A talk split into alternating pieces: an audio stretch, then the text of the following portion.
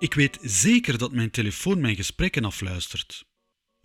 We hebben allemaal wel eens onze twijfels gehad wanneer we op het internet een advertentie zien over het onderwerp waar we kort voordien een gesprek hebben over gehad.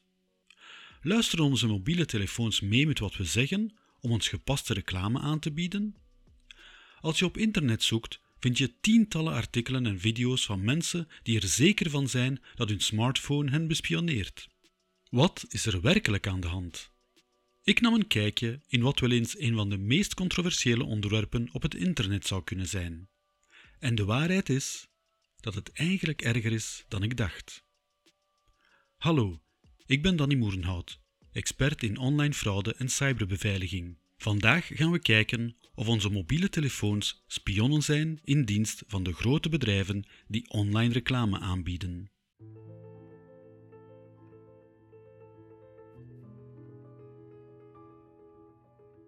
Voordat ik aan mijn onderzoek voor deze aflevering begon, moet ik toegeven dat ik heel sceptisch was. Ik ben nooit een grote fan geweest van complottheorieën. Maar sinds het schandaal rond Cambridge Analytics ben ik toch nog voorzichtiger geworden met het aanvaarden van cookies en met de informatie die ik deel op sociale media. Ik heb tientallen artikelen over het onderwerp gelezen en evenveel video's online bekeken. En het antwoord op de vraag is dat ja, onze smartphones ons bespioneren, maar niet op de manier die we denken.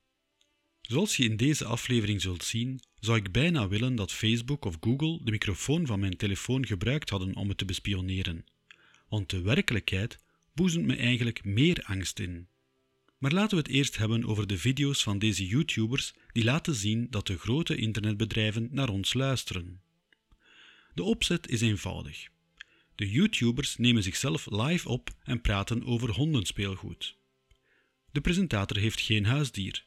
En dan, na een paar minuten over het onderwerp gepraat hebben, toont hij zijn computerscherm aan de camera. Hierop is zojuist een reclame voor hondenspeelgoed verschenen. Is dit een bewijs van wat hij zegt? Misschien, maar er is nog een andere verklaring. De uitzending was live op YouTube, dat eigendom is van Google. En Google verwerkt de audio automatisch om ondertitels te genereren. En de internetbrowser die hij gebruikt, de browser waarin de reclame verscheen, is Chrome, ook eigendom van Google. Is hiermee dan het bewijs geleverd? Andere YouTubers hebben het experiment herhaald maar hun uitzending was niet live via internet. Een van hen had het over meubels om zijn huis in te richten, maar zag nooit advertenties over dit onderwerp verschijnen. Onafhankelijke onderzoekers hebben het probleem wetenschappelijk aangepakt en geanalyseerd. Sinds de schandalen waarbij Facebook en Google betrokken waren, zijn er trouwens heel wat professionelen die zich buigen over de problematiek van de bescherming van onze privacy maar geen van hen is er tot nu toe in geslaagd te bewijzen dat de microfoons van onze apparaten ons bespioneren. Allemaal goed en wel, maar als het dat niet is, hoe werkt het dan wel? Want die gerichte advertenties naar over gesproken te hebben zijn echt. Als je het zelf nog nooit overkomen is, ken je zeker iemand die het al heeft gezien. Het antwoord op de vraag is dat we inderdaad voortdurend bespioneerd worden, maar niet via de microfoon van onze smartphone. Ik leg het even uit.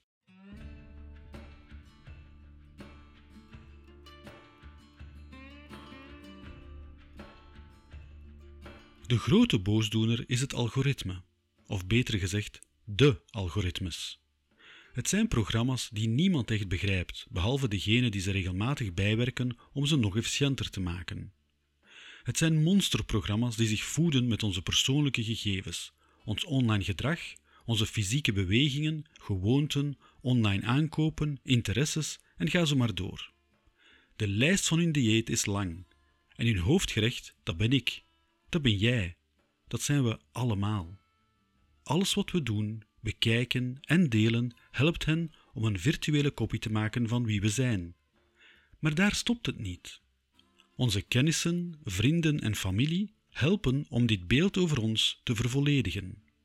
Als jij dus weigert je telefoonnummer met Facebook te delen, maar tussen je vrienden staat ook je neefje en die geeft hen toegang tot de lijst van zijn contacten waar jouw naam in voorkomt, dan is het niet moeilijk om de link te leggen en zo kennen ze jouw telefoonnummer. Dit is maar één voorbeeld, er zijn er nog vele andere. Stel dat je op een feestje bent bij een vriend thuis, waar verschillende mensen hun locatie delen met hun sociale media. Ze gebruiken misschien hetzelfde wifi-netwerk. En voor je het weet, krijg je een advertentie die betrekking heeft op één van die gesprekken, ook al heb jij nooit een zoekopdracht over het onderwerp gegeven. Jij niet, maar één van je vrienden zeker wel. Volgens Damien Boncal, een blogger die gespecialiseerd is in computerbeveiliging, zijn de algoritmes van Facebook in staat te begrijpen hoe mensen met elkaar verbonden zijn. We zijn dus voorspelbaar. De algoritmes zullen informatie over ons en ons gedrag samenstellen uit bronnen waar we nooit aan zouden denken. En vooral uit bronnen waarvan we denken dat ze geen link met ons hebben. En dat is wat deze programma's zo krachtig maakt. Michael Kosinski, professor en onderzoeker aan de Stanford University, schat dat met 10 likes Facebook je beter kent dan je collega's. Met 70 likes kent het je beter dan je vrienden. Met 150 beter dan een familielid. En met 300 likes kent hij je beter dan je partner. En dan vraag je je misschien af: vanaf hoeveel likes kent Facebook me beter dan ik mezelf ken?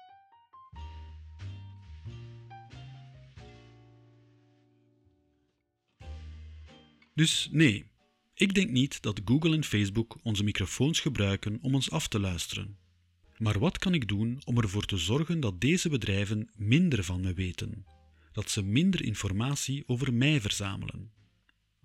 De meest radicale oplossing zou zijn om geen gebruik meer te maken van hun diensten. Maar wie kan tegenwoordig nog echt zonder? Ze zijn een manier om in direct contact te blijven met onze vrienden en familie en ze niet meer gebruiken zou kunnen betekenen dat die contacten verwateren of dat we ze verliezen. En laten we eerlijk zijn: wie gaat er kiezen voor een betalende oplossing zonder gegevensverzameling van Facebook, als die al bestaat? We krijgen de diensten van Google en Facebook gratis. Ze moeten toch op de een of andere manier geld verdienen. Dit belet ons niet om respectvoller om te gaan met onze eigen persoonsgegevens. Te beginnen met welke informatievelden we wel en niet invullen in onze online profielen. Misschien wil je graag je favoriete muziekbands delen, maar niet waar je graag op vakantie gaat. Je kan ook een browser gebruiken die geen informatie over ons verzamelt, zoals DuckDuckGo bijvoorbeeld. Maar pas op, vorige maand kwam deze ook nog in het nieuws omdat de gebruiker toch gevolgd werd. Maar bovenal, waar mogelijk, wees kritisch over de optionele cookies die je aanvaardt bij het surfen op het internet. Dat vraagt wat tijd per site, maar het vermindert de informatie die van de ene site naar de andere gedeeld wordt. Ook voor instant messaging kan je een andere keuze maken, zoals bijvoorbeeld Signal in plaats van WhatsApp, maar dat hangt natuurlijk af van wie in je omgeving die app al gebruikt. Ook de apps op je smartphone kan je instellen om geen gegevens te verzamelen die niet nodig zijn voor hun werking. Toegang tot je contacten, je geolocatie enzovoort. Ik heb al verschillende keren een app op mijn telefoon geïnstalleerd om ze meteen daarna weer te verwijderen door de toegang die gevraagd werd tot mijn gegevens. Het leek me steeds beter om een andere app te zoeken.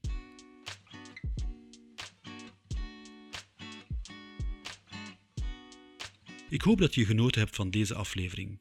Als je de volgende keer een advertentie ziet die verband houdt met een discussie die je onlangs gevoerd hebt, kan je er een spel van maken om te zoeken naar het verband met jou.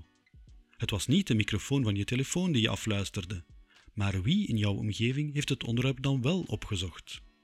Vergeet niet dat je onze podcast kunt steunen door erover te praten of hem te delen op je sociale media.